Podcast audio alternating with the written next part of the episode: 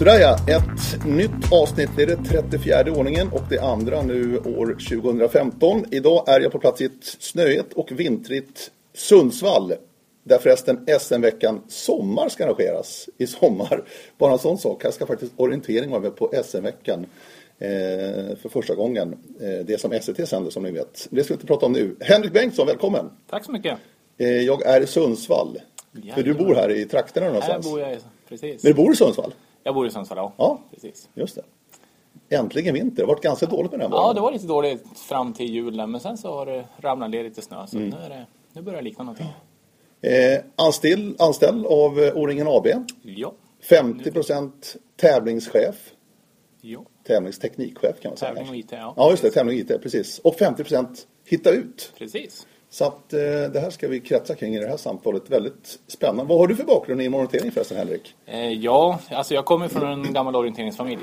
Eh, min eh, morfar var ju väldigt aktiv i Selången då, eh, som är orienterings, en orienteringsklubb här. Eh, så jag började väl orientera i stort sett när jag var ja, fem, sex år började jag väl vara med sådär och, och skulle lära mig. Eh, jag har min mamma och min pappa också hållit på, framförallt mamma då. Eh, så att jag är helt och hållet uppväxt i, i orienteringsvärlden. Eh, har varit med min morfar på allt möjligt kring orientering sådär. Så att, ja. När du säger Selånger, då ringer en Arja Handelsklocka hos mig. ja, stämmer bra. Hon har varit med där också. Ja. Betyder hon någonting för dig när du växte upp eller? Eh, jo, men det gjorde hon ju. Eh, framförallt där eh, var det 88 när VM-segern kom. Så, 87? 87, va? I Frankrike? Precis, stämmer bra, ja. Eh, så det är klart det var en väldigt sporre så. Mm. Eh, jättekul. Eh, hon är en jättetrevlig person så. Så hon, jag tror hon har inspirerat många här i området. Ja. ja, jag tror överhuvudtaget faktiskt. Ja. Hon var ju faktiskt jätte, jätteduktig. Startade tidigt den här eh, VM-tävlingen kommer jag ihåg också i Frankrike där. Och Mm. Jag var ju inte så vägen. gammal då. Nej. Jag kommer inte ihåg starttiderna. men Jaha, tävlings och IT-chef O-ringen. Jajamän. Vad, vad, vad ligger i det begreppet? Eh, ja, alltså det är ju, tävlingssidan så är det ju egentligen från att vi tecknar, eller ska teckna avtal med kartritare då, är det egentligen val av arenor då, eh, på en, en framtida arrangörsort till eh, kartritaravtal och tills att deltagaren kommer i mål egentligen. Det är inom tävlingsområdet. Eh, Så när deltagaren har gått i mål och lämnar måltältet, då är tävlingsdelen slut egentligen. Då. Okej. Och om man ser på den här cykeln så är den ganska lång då. Den är en väldigt lång cykel, så är det. det, är, det är mycket jobb, så är det. Eh, Men det är väl någonting som vi har jobbat nu då och fått på att vi ska förenkla och förbättra för framtida arrangörer. Hittills har ju arrangören oftast gjort väldigt mycket av det här grundjobbet själv. Då. Men det har ju, ja, alla arrangörsorter är bra på sina saker. De kanske har ja, mindre bra saker också. Då, så. så att, nu ska vi försöka få det på en jämn hantering. Då. Minska antalet funktionärstimmar egentligen som man behöver lägga kring det. Då. Just det. För att göra det lättare att arrangera O-ringen såklart. Så det här är, kan man säga, en effekt av den, den nya modellen O-ringen AB så att säga. Att det kanske blir lite mer formaterat och mallat så att säga, de här bitarna. Ja, precis. Det ska bli enklare framför allt. Eh, bättre, alltså jämnare kvalitet av åren också. För, för deltagarna så är det ju väldigt viktigt att veta att vi har en, vi har en bra, jämn kvalitet på allting. Så vi inte missar någonting. Men du säger att du är inne redan vid kartritarstadiet så att säga. De eh, avtalsmässiga sakerna där. Precis. Och det handlar om hur många år minus är det liksom innan tävlingen? Eh, ja, nu håller vi på i ordning eh, upphandlingen för 2017 då. Så att vi ligger ungefär där. Och vi ligger väl, som vi har kommit igång lite sent nu eftersom AB bildades i fjol då, så, så egentligen så är det ju 2018 ungefär vi ska ta nu då, vi, framåt våren här. Eh, så vi får ordning på de delarna. Just det. Så då blev det dryga tre år innan egentligen. Ja, precis. Kartritarna är på plats. Ja. ja. Men sen är det ju som så att kartritning är ju en, det är en, det är en levande produkt som de jobbar med kartan. Så att det kommer ju förändra sig under tidens gång. Under de här åren fram till, till 2018 så kommer det ju behöva avverkas i områdena. Det kommer behöva göras andra saker. Och naturen kanske har sina spratt också att spela med. Mm. lite, lite stormar och sånt här. Så att, Men alltså, bara för det, du är inte inne och petar i själva kartritningen sen? nej, det är Nej. vi inte. Utan vi sköter avtalsbiten om man säger. Sen har vi ju, vi ser till att ha de bästa kartritarna på områdena som vi Mm. använder. Så att, Du, jag tänkte om vi skulle beta av lite vad det gäller O-ringen. Jag tänkte börja med klasserna. Klassindelningen som den ser ut och har sett ut under väldigt, väldigt många år. Ja. Den är ju, ser ganska lik år från år, Henrik. Den är väldigt lik, ja. Är, är det, beror det på en, att vi är vana, att vi vill ha de klasserna eller vad, vad beror det här, den här klassindelningen på? Ja, till stor del är det ju en vana. Eh, vi har 154 klasser på O-ringen. Eh, men till största delen är det ju en vana att vi är vana att ha de här intervallerna, femårsintervallen när det blir äldre. Och det som vi sticker ut lite grann då, det är väl ungdomsklasserna där vi kör ettårsintervaller och sådär. Eh, men sen är ju tävlingsreglerna såklart också, säger ju hur tävlingsklasserna ska vara utformade. Mm. Sen har vi börjat ett jobb att titta lite grann på hur kan vi förenkla och förbättra det här. Eh, om man tittar på andra större arrangemang, vi jämför med oss eh, med Vasaloppet så har vi liksom, det är ju ja, två klasser knappt. Det är ju liksom alla åker samma. Eh, och sen så kan du få en resultatlista för damer och en för herrar om du vill. Nu kanske inte det är riktigt vad vi kommer kunna ha på orienteringen på det sättet. Vi har lite olika förutsättningar så. Eh, men vi håller på att titta på, ett, på att göra om klassystemet lite grann för de här icke-tävlingsklasserna. Eh, vi får väldigt mycket frågor faktiskt från folk som vill eh, springa med andra klasser. Framförallt damer som vill springa herrklasserna.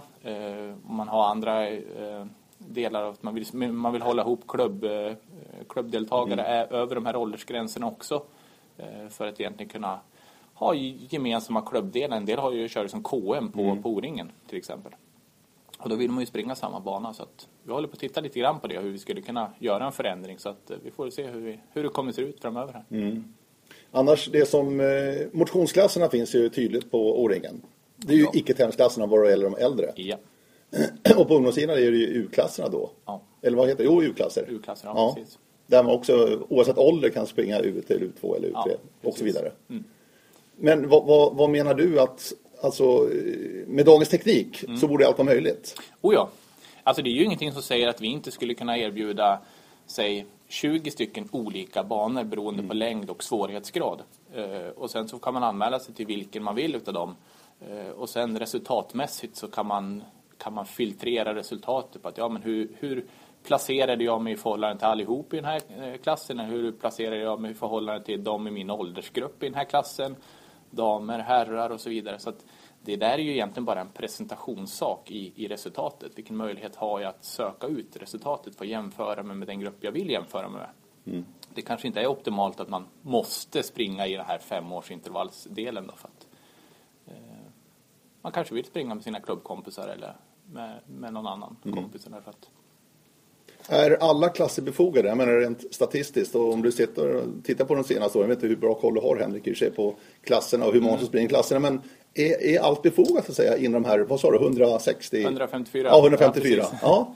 Eh, jo, men eh, alltså, vi, ju, vi har ju fått önskemål om att ja, men kan inte sätta in den här klassen, kan inte öka det här och, och ändra det här och så vidare. Och allting är ju, alltså, vi, vi jobbar mycket med statistik, så kollar. Eh, till exempel nu till till Borås så har vi satt in HD 80 motion då.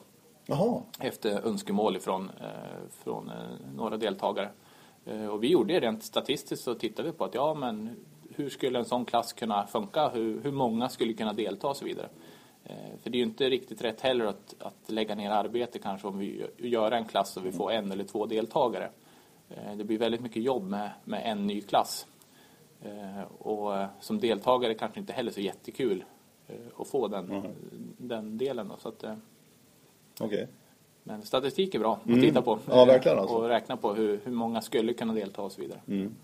Tänkte, du säger att det, det, är folk som hör av sig. Mm. Är det många som, som gör det för att liksom, ha synpunkter, idéer, ja. kritik och också annat? Jo, men det är det. Det är, det är rätt många som hör av sig faktiskt. Det är jättebra. För det är ju det som gör att vi kan utveckla arrangemanget också. Det är lätt annars att sitta där och, och, och bli lite insnöad på, på det spåret att nej, men så här har vi gjort i många år. Liksom. Mm. Eh, så det är jättebra att få, få så mycket synpunkter som möjligt. Ja. ja, det är ett bra sätt att höra av sig och det är mm. väldigt enkelt i dagens ja, läge. Precis, det, det är bara att dra iväg ett mejl till Henrik. Eh, det var lite om klasserna. Eh, får se hur det blir framöver då, men mm. det kommer att hålla i sig här, i min känsla i alla fall. Ja, precis. Jo, det kan ju mycket väl vara som så att vi, vi, ja, vi gör någon liten hybridlösning där vi tittar på att vi, man kanske kan ha samma, mer samma banor. Så där. Nu har ju alla klasser mm. unika banor helt och hållet.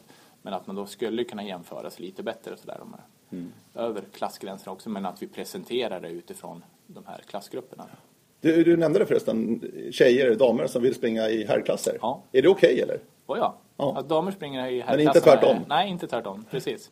Eh, däremot så är väl inte det är så lätt att anmäla sig för man, som dam så får man inte upp herrklasserna i, i, när man anmäler sig i eventor då, tyvärr. Nej. Så att, det får man göra en, ett speciellt önskemål. Skicka in till oss att man vill göra det så fixar vi det. I dagens läge och inför sommaren också så är det ju förutom då själva O-ringen eh, fem dagars då som själva O-ringen, eh, alltså fotorienteringstävlingen heter, det är ju fem dagars. Ja. Eh, Men inom O-ringen ryms ju också precisionsorienterarna Ja. och mountainbike-orienterarna.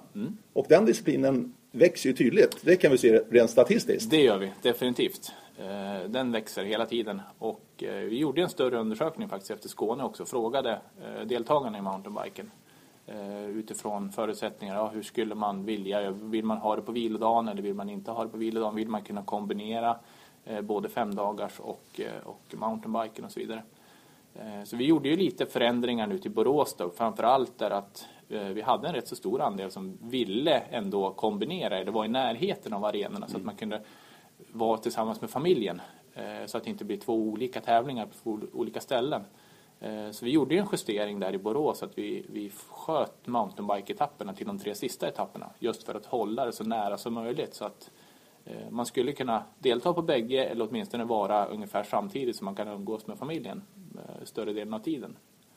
Utöver det. Så den, där har vi börjat titta på. Sen så, vårt mål är att det, ska, det här ska vara fem dagar. Mountainbiken vill vi också ha som fem dagar för det, är ju, det tror vi skulle lyfta det arrangemanget också.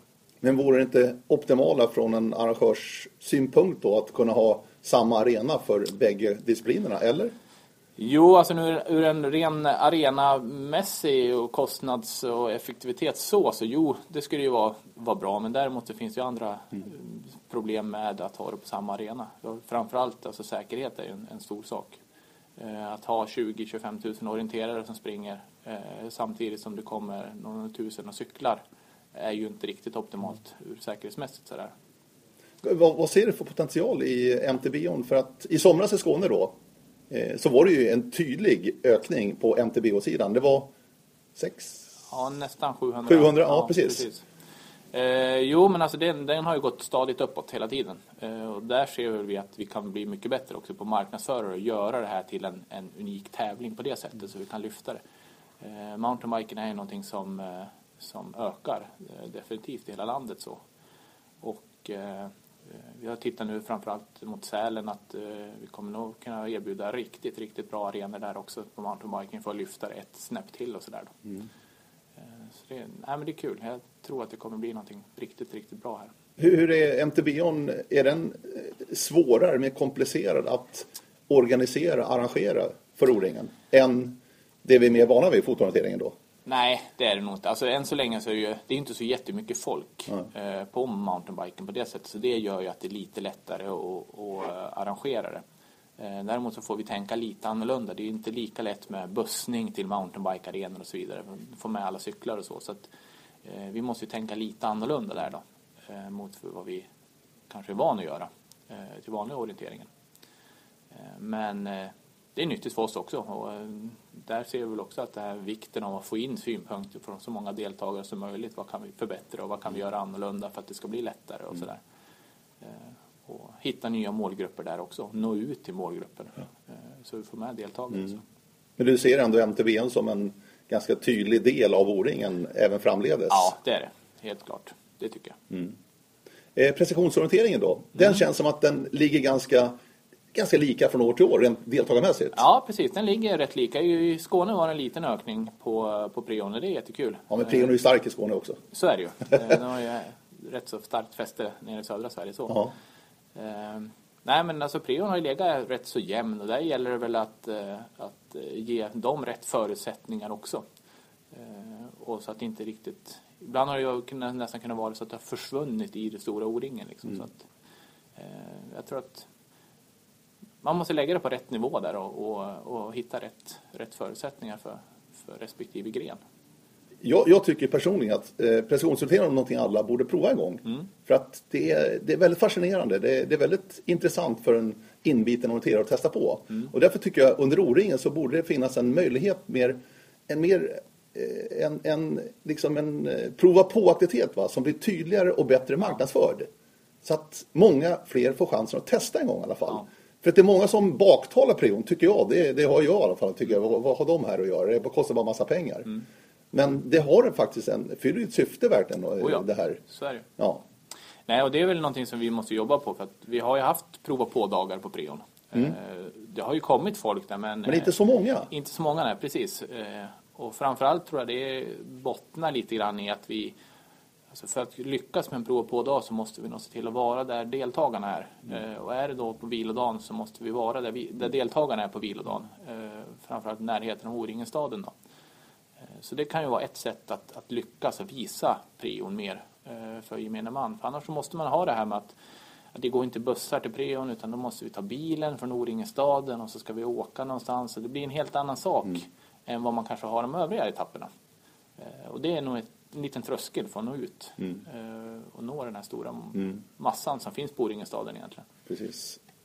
Men för er som inte har provat säger jag bara prova det en gång. Det, är, det är väldigt, väldigt häftigt och mycket, mycket svårare än man tror. Det är riktigt lurigt faktiskt, precisionsorienteringen. Eh, innan vi tar oss vidare till tekniken och ITn som du är din eh, kanske bästa sida Henrik. Eh, vilodag var du inne på här. Är det formaterat nu i O-ring att det ska vara en vilodag? Jag vet inte om ni lyssnade på Jimmy Bricklin senast. Han har ju varit en, en kämpe verkligen för fem dagar utan vilodag. Men i Sälen så har han fått sträcka vapen. Nu blir det Ja. vilodag i Sälen 2006. Vad, vad säger O-ringen där om upplägget säger? Ja, upplägget säger ju att det ska vara en vilodag. Det bottnar ju väldigt mycket i att alltså, när vi är på en plats så är det självklart kommunerna går in som liksom partner i, i arrangemanget på det sättet.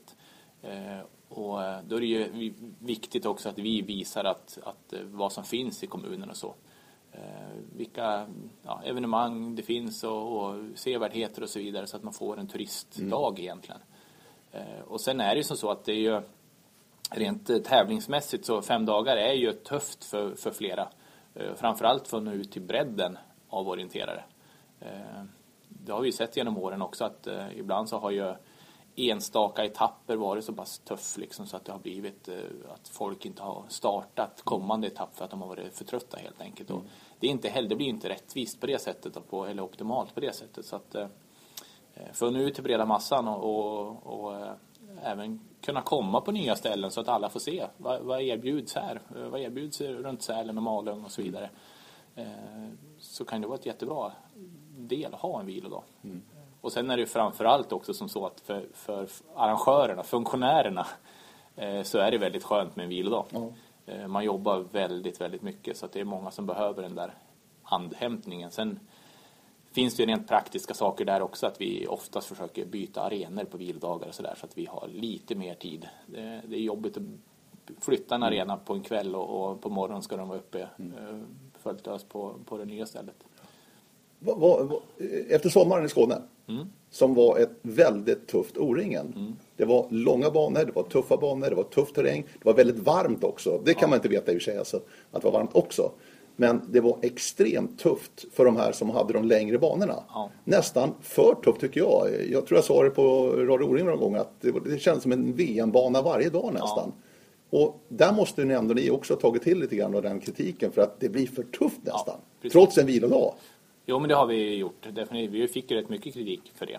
Eh, och vi har ju suttit med, med eh, banläggningsansvariga, tävlingsansvariga i Borås också och, pratat om det och, och se helheten och se det. Det är ju ett arrangemang här. Det är inte, utmaningen är inte att göra det, svåraste, tuffaste varje etapp utan det är, det är att ge, en bra tävling över fem dagar där vi kan erbjuda olika terränger, eh, ja, olika tävlingsdagar helt enkelt på ett bra sätt.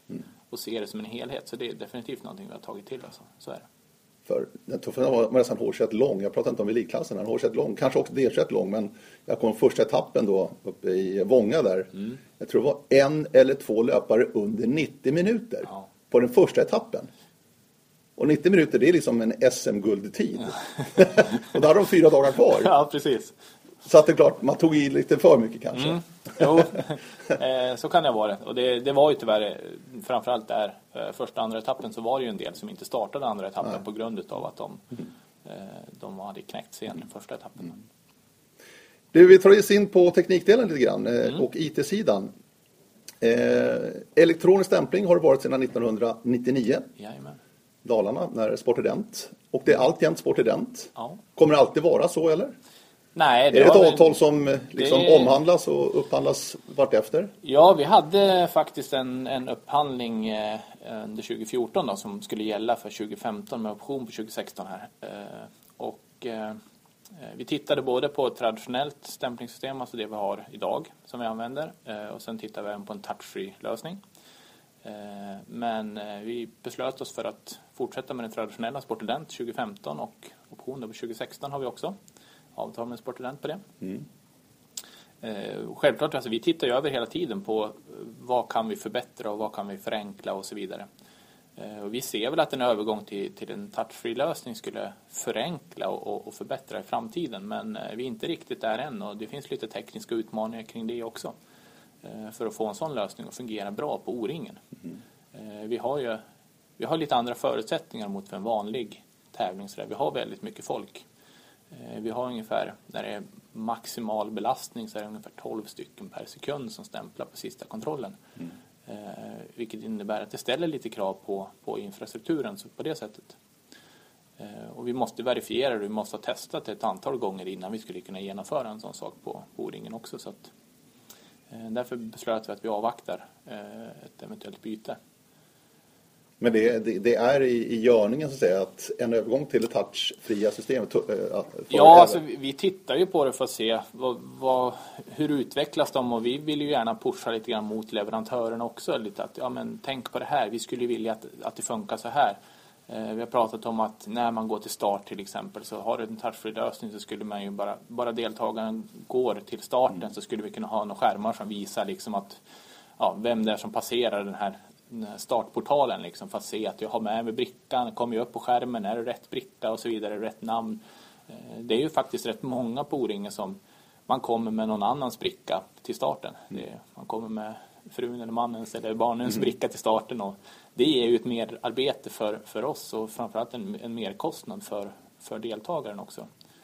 Eh, så det är väl saker som vi tittar på att förenkla och det ser jag lite svårt med det traditionella om alla skulle börja, börja stämpla när man går till starten mm. Eh, på det sättet och, och, hantera. Eh, det finns ju inte så mycket så många masterenheter till, till så att vi liksom skulle kunna göra det idag. Mm. Men om ni skulle besluta er för att okej, okay, nu kör vi touchfree istället. Mm. Det innebär också en investering för alla era deltagare på ringen. Precis, och det är en sak som vi tittar på. Liksom, för det, allting hänger ihop. Vi vill ju inte att det ska bli en, en väldigt stor kostnad för våra deltagare ett år. Eh, utan eh, det är någonting som det måste växa fram helt enkelt lite grann hur, mm. hur det ser ut och hur det blir. Men samtidigt sitter ni ju i den positionen att ni kan liksom styra utvecklingen lite grann här. För att den dagen ni bestämmer för att köra någonting då kommer det bli det, många kommer att följa efter. Så kan det vara, oh, så är det nog. Eh, och det är väl, alltså vi är medvetna om, om att vårt beslut är väldigt strategiskt så för, för val av leverantör även i övriga landet. Så, eh, så det är någonting som vi pratar om, den dialogen för vi med Soft också. Eh, hur vi, hur vi kan göra och hur det ser ut framöver och så vidare. Mm. För vi får ju tänka på hela orienteringen-Sverige, vi kan ju inte bara tänka på, på O-ringen så. Nej. O-ringen ska ju vara ett, ett steg att utveckla orienteringsrörelsen i Sverige också. Då, då kan inte vi ta beslut som riskerar att fälla eh, andra enskilda klubbar mm. på det sättet. Annars då, eh, alltså O-ringen är ju väldigt stort. Det är ju väldigt mycket data som passerar genom mm. de här kablarna under en etapp och under den här veckan. Så är, ja. eh, och orienteringen i sig, idrotten, vår idrott i sig, är ju väldigt komplex. Mm. Det är väldigt mycket som kan gå fel om man ska vara ärlig. Ja, så är det. Tänkte på kodsiffror, kontroller, ska sitta rätt, eh, det ska stämma allting vad gäller tryck och mm. otroligt komplext alltså. Vad, vad, vad har du och ni för system för att säkerställa att okej, okay, det här funkar. Ja. Allting kommer att stämma. Precis. Ja, alltså det, det finns en ett så lång checklista och en, en, beskrivning på hur allting ska gå till.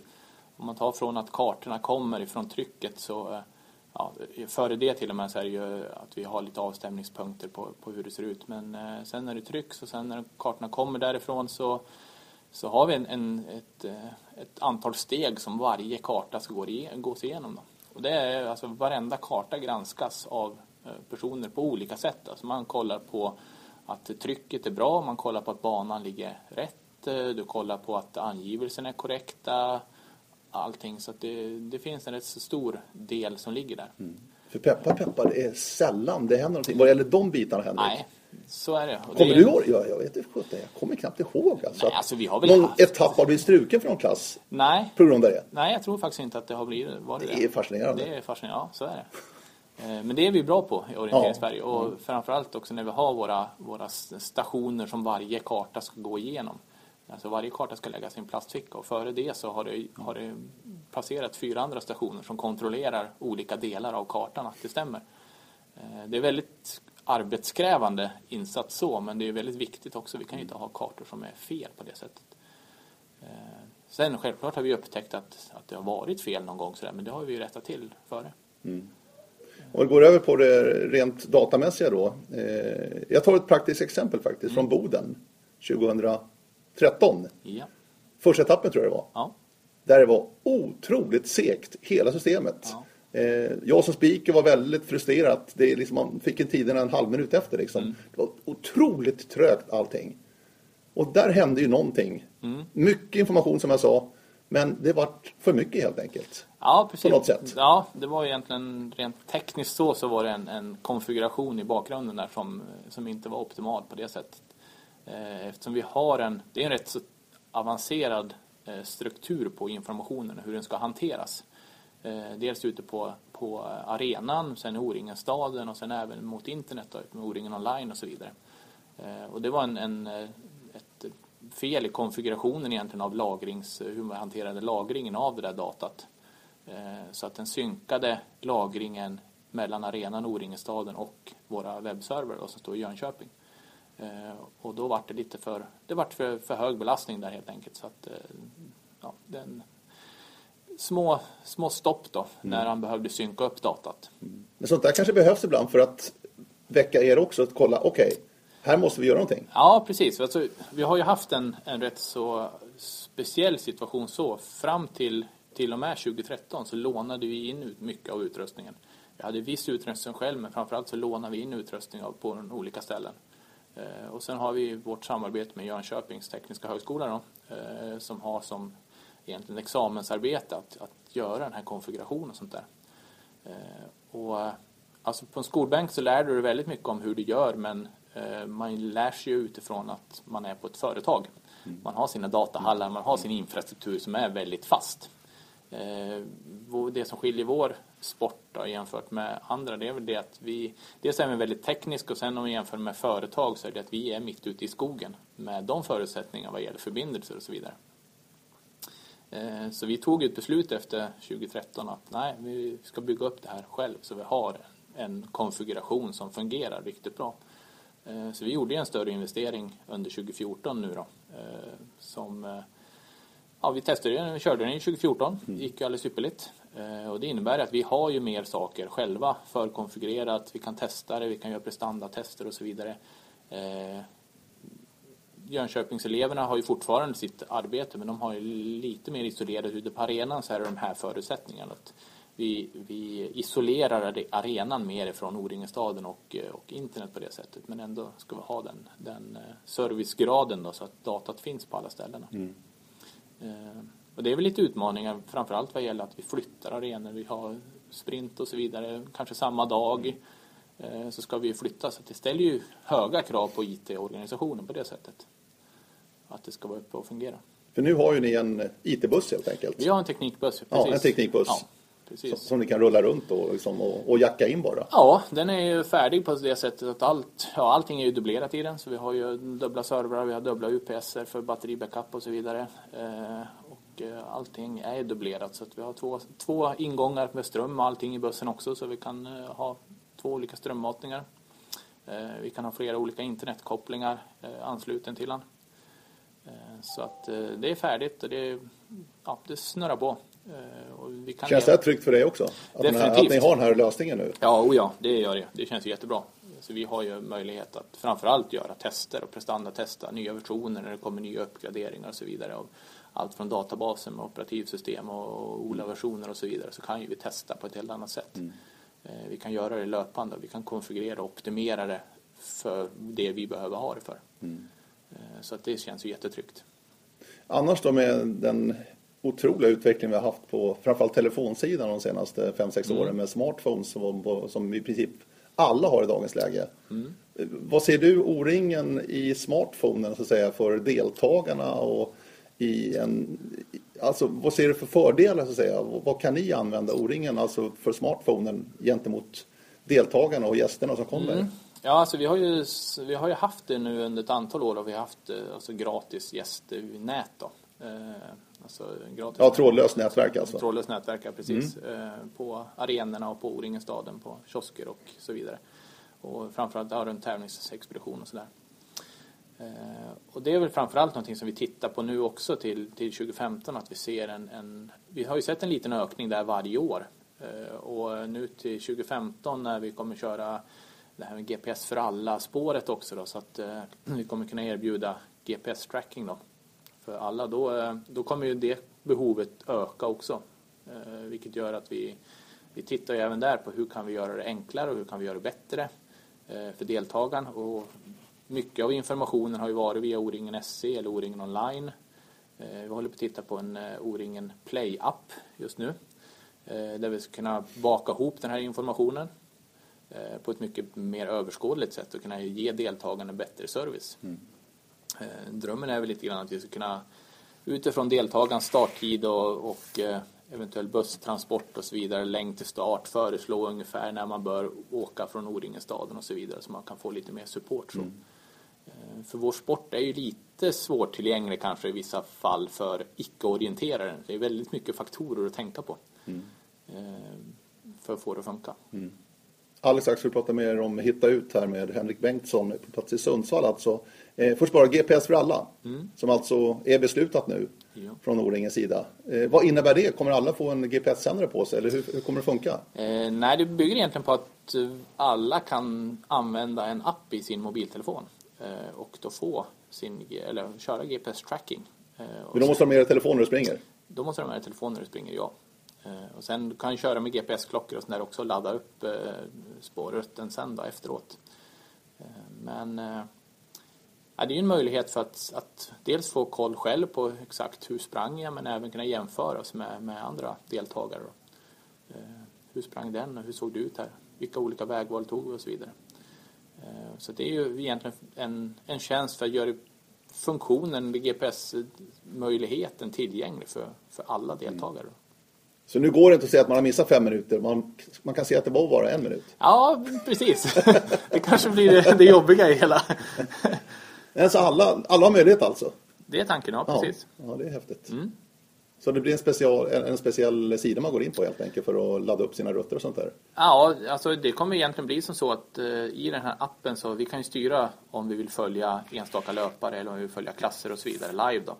Eh, men för Odringens del så kommer vi inte publicera kartor och så vidare förrän alla har startat såklart. Eh, så därför eh, kommer det väl snarare bli som så att när du går i mål så laddas den här rutten upp då.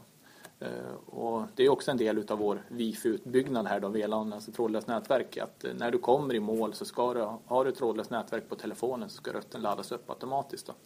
Eh, och det bygger lite grann på att vi kanske inte vill att rutten laddas upp live mm. ute i skogen. Då, för vi har haft kontakt med teleoperatörerna och de är ju, ja de är väl lite delat inställd till, till mm. GPS-funktionen på så sätt att det är väldigt mycket eh, apparater eh, ute i skogen där man kanske inte har allt för stor ja, kapacitet i telenäten.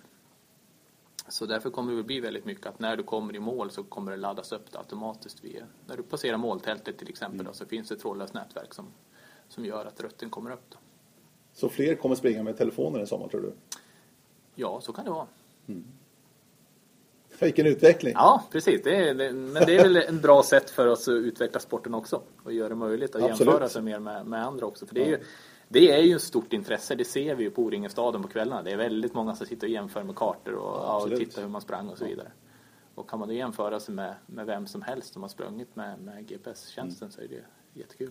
Hur långt borta är det att hela O-ringen-staden också är trådlöst nätverk? Eh, nu till 2015 så ska vi ha ett trådlöst nätverk som täcker stora delar av O-ringen-staden.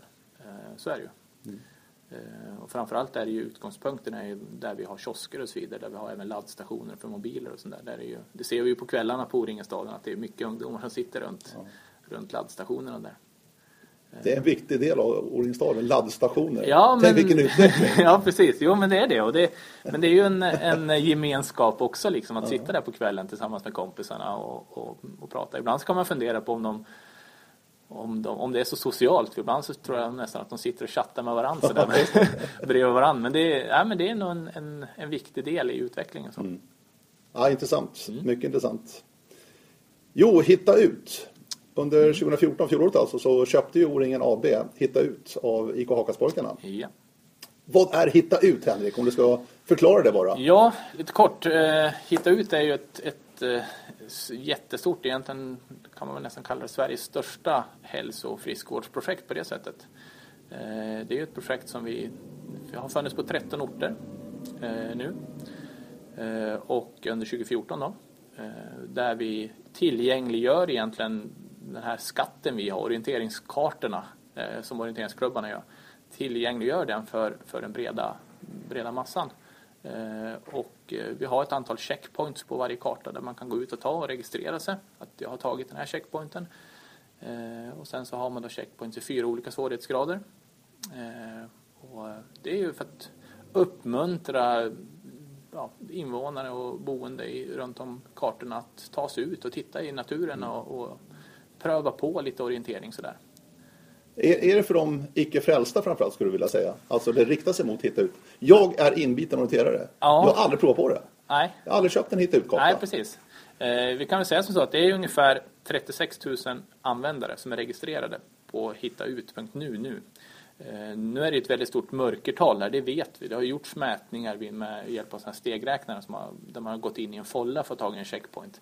Och det är extremt stort mörkertal på, alltså det är många, många fler som tar checkpointen än som registrerar sig.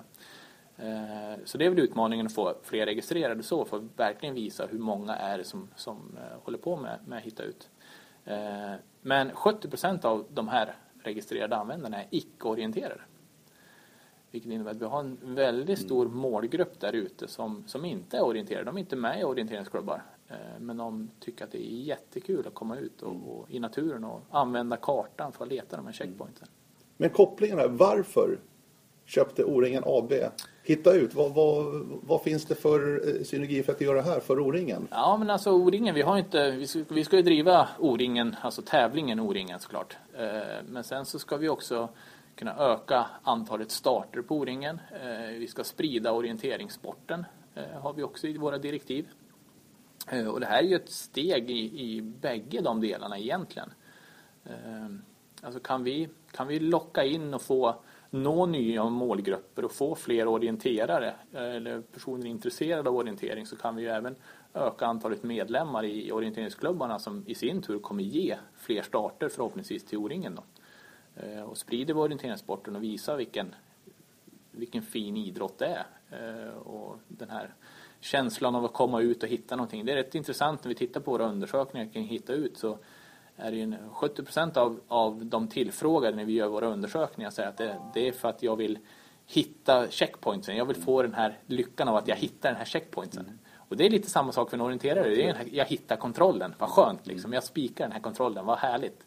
Eh, Och det är samma sak som man är ute efter och då ser vi väl att det finns stor potential till att, att få det här och, och, och, och bli, alltså komma i kontakt med orienteringsklubban. Och det är faktiskt vad, jag kollade upp lite grann och det var 90% nu senaste undersökningen som skulle vara intresserade av att eh, delta på orienteringsklubbars aktiviteter om det fanns liknande, mer liknande aktiviteter. Som 90%? 90% av Hitta ut-deltagarna som svarar på enkäten.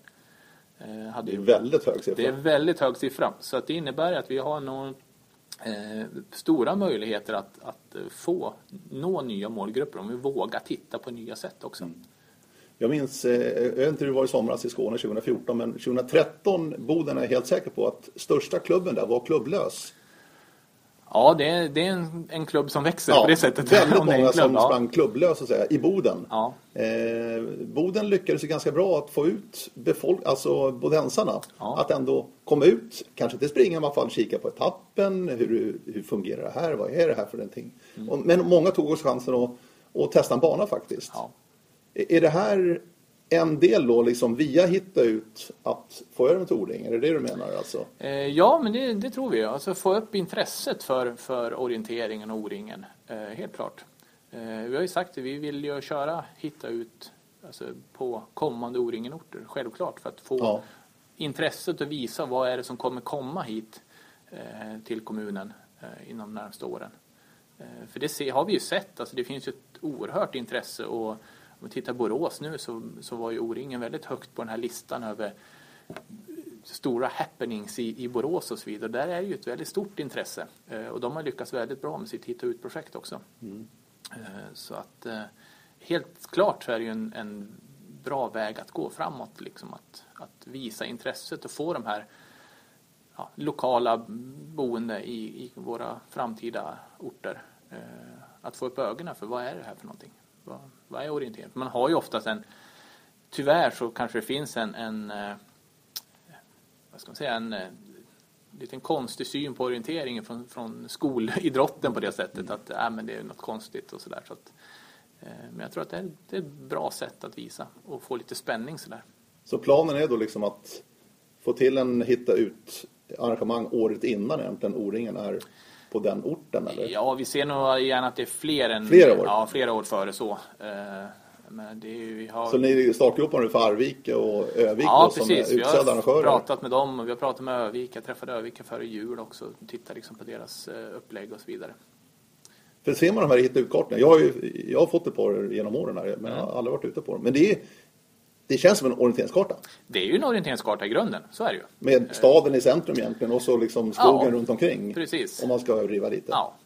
Eh, och det är rätt intressant faktiskt för att det är nästan, vad var det nu, om jag minns fel så var det 87 procent som hade svarat att de får se nya sevärdheter i sin egen stad när de är ute i, med Hitta ut-kartan. Eh, och det säger ju lite grann om att det är väldigt lätt att vi, vi bor på ett ställe men vi är inte ute i när, närområdet och ser nya saker utan det är oftast att vi, vi tar oss någon annanstans när vi ska se någonting. Eh, och det är jättekul om vi, om vi kan bidra till det, att man upptäcker sin egen stad lite ja, mer så. Verkligen. Du, var, var, finns det i Sverige? Hitta ut i dagens läge? Ja, det är 13 orter då som har funnits. Det är 13 orter? Ja, precis. Ja. Som har funnits nu 2014 då. Eh, sen kommer det till några orter nu 2015 och sen så för vi dialog med några då, som är intresserade till 2016 också då. Eh, och det är vårt mål att sprida det till fler orter såklart. Eh, vi vill ju helst att det ska vara i säg, så många orter som möjligt men vi har väl ett mål att kanske bland de 50 största orterna i Sverige så skulle vi vilja ha hitta ut projekten inom några år. Mm. Eh, för det är som så att vi har ju, det är en, det är en jättestor skatt vi har med våra orienteringskartor men tyvärr så sitter vi lite på dem och säger nej men det, det är våra, man, vill man ha en så får man köpa den och så vidare. Eh, det här sättet är ju att, att visa upp mer Eh, för för alla att men kolla här, det här är våran arena egentligen. Eh, vi låser inte in vår fotbollsplan utan vi, vi visar upp vår fotbollsplan så att vi kan få intressenter att komma och titta och delta. Eh, så att spridningen är, är viktig för oss och att hitta nya orter och det har väl ett arbete som vi har gjort nu är att göra det enklare, billigare och enklare att, att driva lokala hitta ut-projekt. Och det är väl en fördel som vi har som, som O-ringen AB, då, att vi har en organisation där vi, vi har en, en säljchef som kan stödja och komma med tips på hur man ska sälja in det hos eh, lokala partners och så vidare. Eh, vi har en marknadsföringschef som, som eh, kan hjälpa till med att svara på frågor om hur man bör lägga upp marknadsföring och så vidare. Vi kan göra ordning mycket grundmaterial, annonser och säljmaterial och så vidare. Så vi har ju en stor kunskap så som, som eh, vi kan erbjuda Orientering Sverige på det sättet att, att göra det enklare. Mm. Hur, hur, fungerar det? Ni arrangerar det här tillsammans med lokala arrangörer då? För jag menar, kartan är ju en upphovsrättslig produkt. Ja, precis. Det är ju tillsammans med de lokala orienteringsklubbarna på orten. Eh, För ni sitter ju oftast inte på kartägandet. Nej, nej, vi har inget sånt. Det, det, finns liksom inget intresse att vi ska äga kartor på det sättet heller. Utan det är ju de lokala eh, orienteringsklubbarna som ska ha det. Och det är de lokala orienteringsklubbarna som vi gärna ser att eh, ska vara ute hos partners också. För det här ska ju bli en långsiktig relation till deras partner. Eh, vi har fått frågan om O-ringen AB kan gå in och kan inte ni sälja på lokala marknaden och så. Men vi tror inte riktigt att det är rätt väg att gå. För vi ser hellre att vi stödjer de lokala orienteringsklubbarna till att få kanske kunskapen eller få kontakterna med företagen. Men sen så vill vi att de lokalt ska, ska ha den kontakten. Mm. Eh, för att då är det lättare när man har arrangerar en tävling och sådär att ta upp de här kontakterna som man redan har inkörda med olika företag. Eh, så vi vill ju inte alls på något sätt liksom kliva in och, och, och, agera om man säger huvudpart på det sättet utan det är bättre att vi stödjer klubbarna så att vi får ja, tillväxten i klubbarna istället att funka. Hur hittar ni kunderna då, de som ska ut och prova det här? Alltså, mm. Är det försäljningsställen eller delar ni ut i brevlådan? Eller? Det delas ut i brevlådan eh, och sen så görs den ju tillgänglig på internet också. Då. Eh, så att det är ju... Så att många får den här gratis alltså? Ja, ja. Hitta ut-kartan ska vara gratis. Det är det de delarna vi har sagt att... Det är ju fenomenalt. Det är jättebra. Det är ju helt grymt. Ja. ja men det är ju ett suveränt sätt att, att nå ut till, till väldigt många människor. Och dessutom eftersom det är en karta och sådär så är det ju samhällsinformation på det sättet. Då. Så att det är ju många klubb, eller kommuner är ju väldigt positiva till idén med hitta ut. Eh, det ger ju en, alltså det finns ju undersökningar som visar att orienterare är väldigt friska jämfört med andra mm. grupper så, där. så att eh, det är ju ett, framförallt ett, ett suveränt hälso och friskvårdsprojekt mm. som många klubbar är, är, och kommuner är väldigt positiva till. Har du ett bra exempel där det har fungerat väldigt bra att hitta ut så här långt på de här 13 som ja, finns i dagens läge? Alltså det har ju fungerat. Jag tror att det viktigaste på de här orterna är att man gör utifrån sina förutsättningar. Eh, om vi tittar på de orterna det finns, det finns i, Göteborg, Borås, Uppsala, Sundsvall och eh, Leksand och, så vidare och Norrtälje och eh, Jönköping och Gislaved och så, helt, en hel uppsjö orter så. Det som har Alltså det viktigaste är att man gör det utifrån sina förutsättningar eh, lokalt. Det går liksom inte att jämföra kanske Uppsala-projektet mot, eh, eh, mot ett, eh, ett projekt i Smålands stenar till exempel. Utan det är en helt olika mm. förutsättningar på det sättet. Eh, så det viktigaste är att man formar utifrån sin ort och sina förutsättningar. Eh, men helt klart så är det ju Hudiksvall lyckades ju väldigt bra. De kom igång egentligen slutet av sommaren i fjol och de hade nästan lika många checkpoint-registreringar som Sundsvall på det sättet som Aha. började väldigt tidigt och eller Uppsala också för den delen. Men hur tolkar du det då, att mm. det gick så bra där? Ja, men det är nog mycket utifrån hur man sprider och hur man jobbar mot, mot eh, företag och sådär. Mm. Eh, de hade i Hudiksvall hade de till och med företag som åkte rätt många mil. Företaget gjorde gemensam aktivitet och åkte flera mil i, tillsammans för att åka till Hitta ut-kartan och där göra en friskvårdsaktivitet på företaget. Ja, den var utanför stan alltså? Precis. Ja. Eh, och det är ju suveränt ja. sett så. Och, och, jag tror att det, det gör ju också att många företag är väldigt positivt inställda till att bidra i Hitta ut-projektet. Eh, så att, för det är ju en, det är en friskvårdsaktivitet för företaget på det mm. sättet. Och har företaget friska och glada medarbetare så, så går företaget bättre. Mm. Men hur ser O-ringen AB då den här, om vi kallar det investeringen då, att mm. ha köpt den då och hitta ut så att säga? För att AB vill ju säga att det ska generera pengar också i slutändan någonstans. Att det ska vara ett projekt ändå som kanske genererar lite vinster. Ja, fast alltså hitta ut är det ju sagt att det, vi ska inte ha en vinst på hitta ut på det sättet. Utan eh, den vinsten på hitta ut, den ska ju tillfalla de lokala orienteringsklubbarna, de som driver projektet.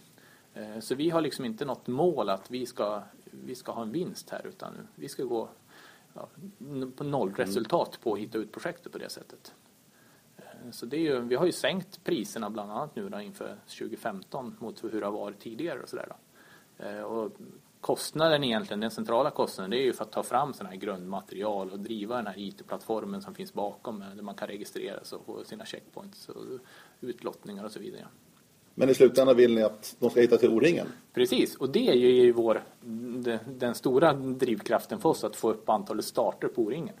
Eh, för får vi upp antalet starter på O-ringen så har vi antagligen lyckats även att rekrytera mer orienterare ut av orienteringsklubbarna. Och då är ju hela orienteringssporten en vinnare utav det. Mm. Ja, spännande. Mm. Eh, Arvika och Övik känns som tänkbara orter i alla fall för ut framöver. Definitivt. det är nog ingen hemlighet. Nej, jag kan tänka mig det. Mm. Det blir väldigt, väldigt trevligt. Mm. Härligt Henrik Bengtsson. Eh, mycket spännande. Eh, Borås nu framför oss i sommar. Ja. O-ringen 2015. Och nästan då, över 5000 anmälda första anmälningsstoppet. Mm. Hur tolkar du den siffran? Ja, det ser ju den ser rätt bra ut. Eh, jämför vi med tidigare år så så pekar det ju på att vi bör komma upp där runt 16-17 eh, tusen förhandsanmälda. Då.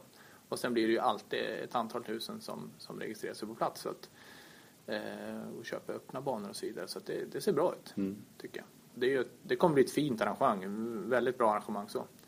Eh, det är himla roligt att vara där och träffa alla funktionärer och de är väldigt positiva och framåt och så vidare. Så att det, nej, jag, jag tror verkligen på att det kommer bli ett riktigt trevligt evenemang. Och så några nya grejer, GPS för alla till exempel. Precis. Till sommaren då. Ja, lite nya funktioner också därifrån. Känner ni lite, du Henrik och ni O-ringen, som ett, ett lok lite grann för orienteringen i stort? Förstår jag menar? Att mm. det ändå, vi pratar lite grann om stämplingssystem och sånt där, men det är stort mm. också i och med att O-ringen är så pass stort ändå. Ja. Finns ändå resurser någonstans? Jo, precis. Vi har ju resurser och det är väl ett alldeles ypperligt sätt också att se till så att när vi har våra samarbeten med de här lokala funktionärerna och samla in synpunkter på att ja, men kan vi förbättra någonting, kan vi effektivisera någonting och kan vi göra det bättre. Och det vi gör där, det vill vi gärna ge, göra tillgängligt också för andra såklart. Eh, för att utvecklar vi sporten så, så kommer vi även eh, Alltså då, då, förhoppningsvis så, så, får vi fler intressenter också. Mm. Tyvärr har ju orienteringen haft en liten negativ trend så. Eh, många orienteringsklubbar har ju haft minskad aktivitet. Då. Eh, men det är definitivt någonting som vi försöker göra någonting åt så att vi får en ökad orienteringsaktivitet istället. Mm. Så hör av er till O-ringen Gärna med det. idéer och synpunkter. Ja, det är jättebra. För att utveckla arrangemanget eh, och orienteringen i stort faktiskt. Mm, O-ringen.se hittar ni alla adresser. Eh, vill ni höra av till eh, mig här på Radio O-ringen Podcast gör ni det på radio o-ringen.se. Tack Henrik Bengtsson. Tack så mycket. Trevligt besök här i Sundsvall och eh, vi hörs och syns framöver. Ha det gott. Hej då.